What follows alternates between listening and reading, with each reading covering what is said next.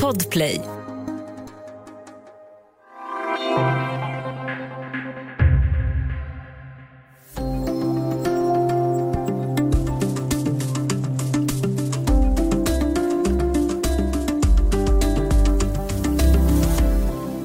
Kalla, egoistiska, emotionellt instabila. Fördomarna haglar kring människor som väljer att inte skaffa barn. Normerna är fortsatt urstarka och samtidigt har frågan om familjebildning förvandlats till en verkligt het potatis i debatten. Idag handlar Studio DN om frivillig barnfrihet och jag heter Johan Hilton. Välkommen Moa Malmqvist. Du är reporter här på DN och du har nu skrivit tre artiklar i Insidans serie om att välja bort barn. Ja, precis. Och jag, jag, jag har ju själv skrivit en och annan text i det här ämnet och varje gång så blir mailboxen full. Vad, vad har ni fått för reaktioner på den här serien? Alltså jag trodde verkligen det skulle eh, smälla till i min också. Mm. Men för mig har det varit relativt lugnt. Jag har sett att i kommentarsfälten så har det ju haglat på. Och Det finns liksom två tydliga läger. Där det ena lägret tycker att det är egoistiskt att inte skaffa barn för att man är liksom uppe i sitt självförverkligande och bara ägnar sig åt nöjen. Och det finns det andra lägret som liksom tycker att det är egoistiskt att skaffa barn. Mm. För att det är också ett typ av självförverkligande och att, då att man är driven av den här barndriften. Då, att det finns en biologisk drift som Mm. hänger sig åt dem. Alltså det, är ju liksom, det är så intressant att det har Mm. blivit en, en stridsfråga. Ja. Hur kommer det sig att det har blivit det? Ja, men jag tror att det, det är väl en process som har pågått under en längre tid, men jag tror att vi allt oftare ser barn som en, en fråga om ett val. Att dels så är vi inte beroende av barn på samma sätt när vi blir äldre. Att vi, vi har ju åld- ålderdom, åld, äldrevård och liksom, jag tänker också att det här med att eh, man blir inte heller beroende av att försörjas av sina barn. Så på något sätt så är man måste liksom motivera då varför ska man då skaffa barn. Eh, så man, jag tror att man tänker i termer av liksom orsaker, alltså pros and cons lite grann. Hur, hur skulle du säga att frågan kring barnfrihet har förändrats över tid?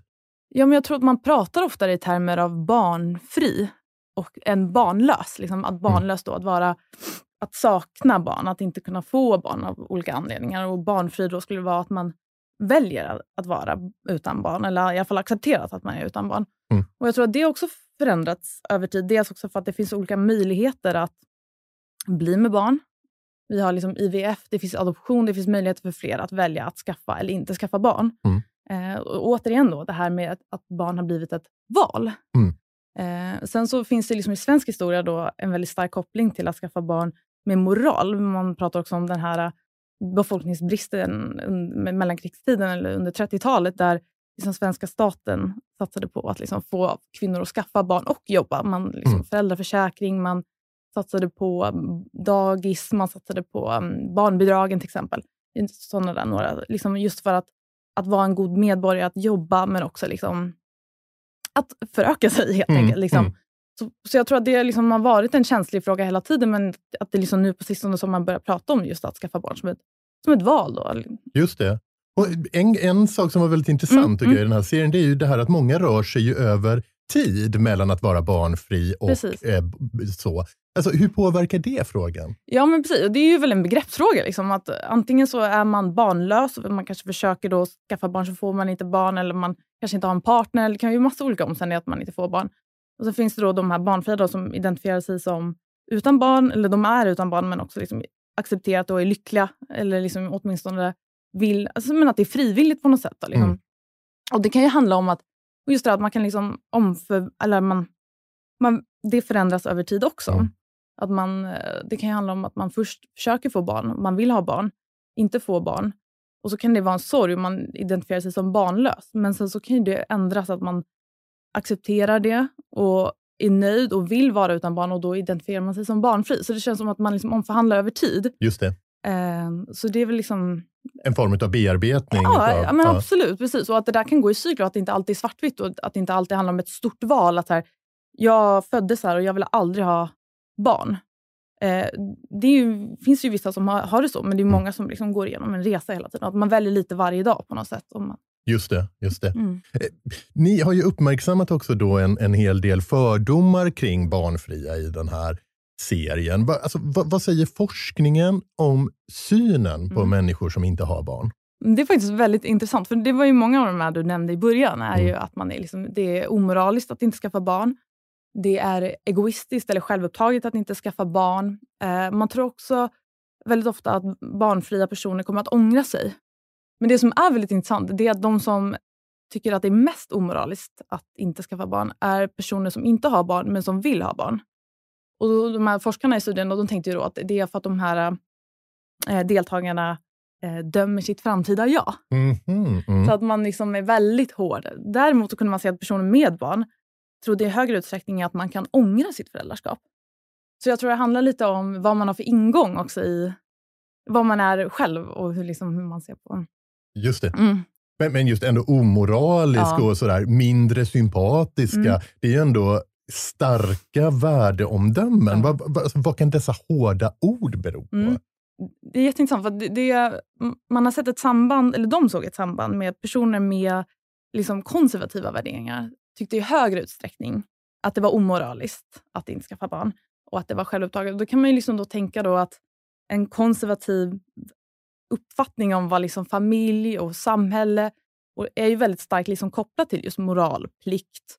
Den här traditionella familjekonstellationen är liksom en väldigt stark norm, som att jobba en stark norm, följa lagar en väldigt stark norm. Jag tänker, bryter man mot någon av de här starka normerna, då kan man liksom lika gärna vara kriminell. Eller det finns liksom en misstro mot de här personerna, då, som att de lika gärna kan vara... Om man ställer sig utanför den här för- benhårda exakt, precis, normen. precis, exakt. För då fallerar liksom hela den då, uppfattningen. Av In-. Ah. Intressant. Mm. Vi, vi- vi ska ta en snabb paus, men alldeles strax så pratar vi vidare om synen på kvinnor Ja. som har valt bort barn.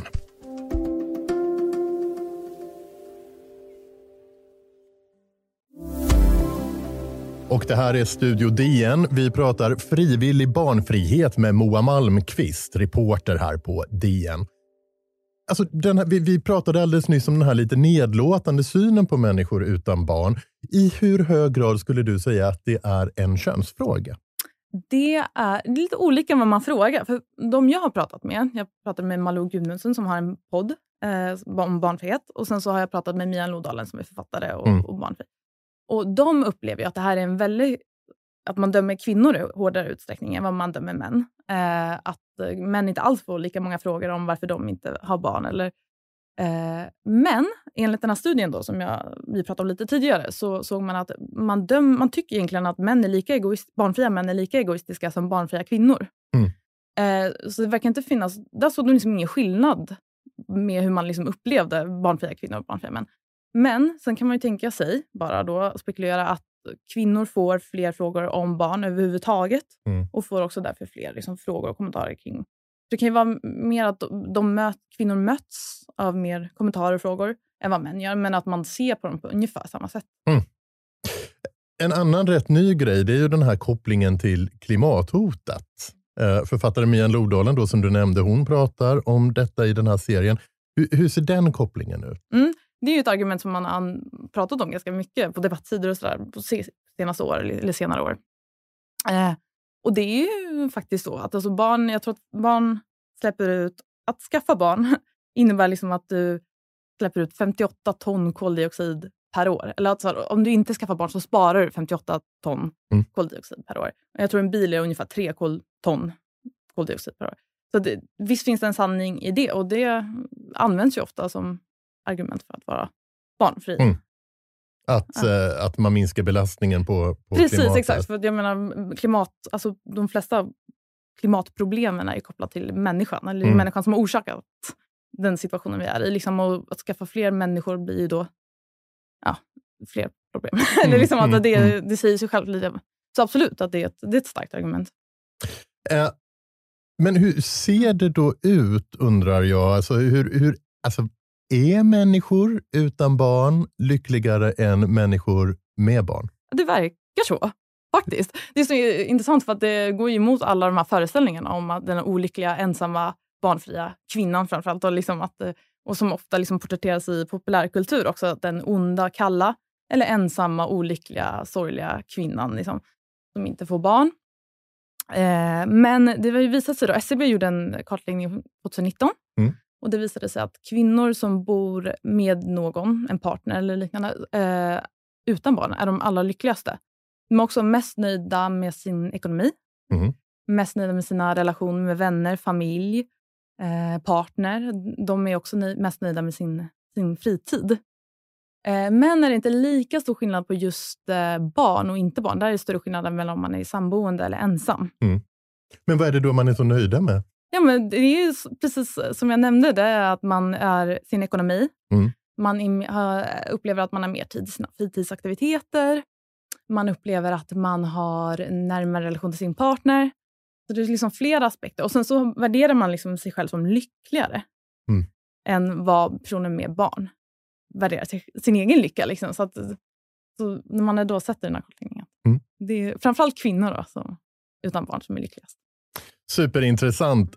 Stort tack för att du kom hit Moa Malmqvist, reporter på DN och du har då alltså skrivit en serie om barnfrihet som har gått på insidan. Tack snälla. Studio DN är slut för idag. Om du vill kontakta oss så går det bra att mejla till studiodn dn.se. Kom ihåg att prenumerera på Studio DN där du lyssnar på poddar så missar du inga avsnitt. Studio DN görs för Podplay av producent Palmira Kokari Menga, ljudtekniker Patrik Miesenberger, teknik Jonas Lindskov på Bauer Media och jag heter Johan Hilton.